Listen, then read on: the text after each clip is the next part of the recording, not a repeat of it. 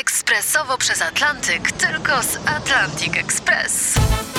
Z nami wyślesz co chcesz, kiedy chcesz, do kogo chcesz i to o 40% taniej. W Atlantic Express wysyłamy wszystko. 1 800 775 7363. Mienie przesiedleńcze, kontenery, paczki do Europy. Atlantic Express o 40% niższe ceny na wysyłki kontenerów, samochodów i paczek. Ekspresowo przez Atlantyk, tylko z Atlantic Express. Jasna strona świata prezentuje Marek Tomalik.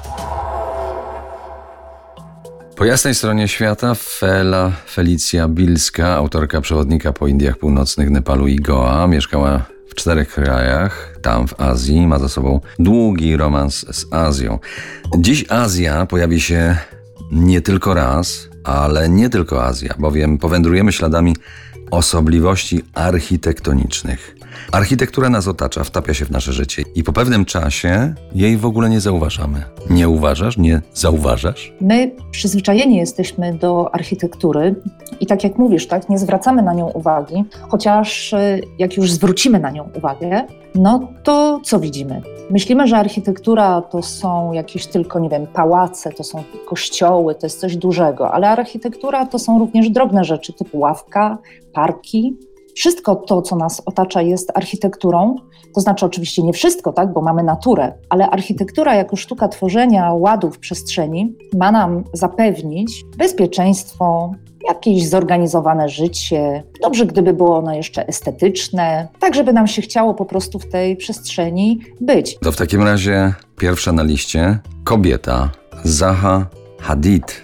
Oj, Zaha Hadid to jest po prostu, no, jest, bo pozostały po niej e, jej realizacje, chociaż ona sama już nie żyje, bo zmarła w 2016 roku. U szczytu sławy, dodam, ona się urodziła w Bagdadzie w ostatnich latach monarchii, w rodzinie przemysłowców i e, polityków liberalnych, więc te dwa nurty, które się ścierały, czyli ten konserwatyzm, który ją otaczał z jednej strony, a z drugiej strony dążenie do wolności, no w pewnym sensie na pewno ją ukształtowały później jako architektkę.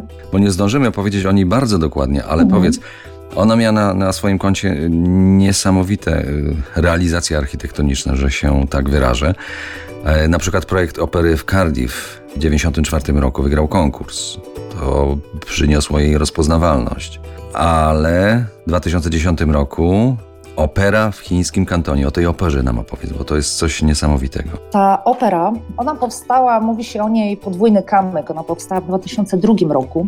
Jest w kantonie, nieopodal dworca e, kolejowego i to jest największe centrum koncertowe w południowych Chinach. To jest niesamowita bryła, bo ona poświadcza całą taką, całe to wizjonerstwo e, Zachy.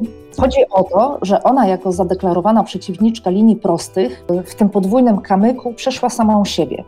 Czyli tak jak na przykład w galerii Soho, również w Chinach, którą zbudowała, bardzo trudno dopatrzeć się kątów prostych. Przypominają trochę rybę, tak jakby się wchodziło do środka ryby i widzisz Wystarczyły de facto 4 lata, żeby dostała nagrodę Pritzkera. Była pierwszą kobietą w historii tej nagrody, tak? takiej nagrody architektonicznej, takiego Nobla, za to wszystko, co zrobiła. Za kilkanaście minut, pozostając w Azji, pozostając w Chinach, przyjrzymy się miastom widmom. Zostańcie z nami. To jest jasna strona świata w RMS Classic.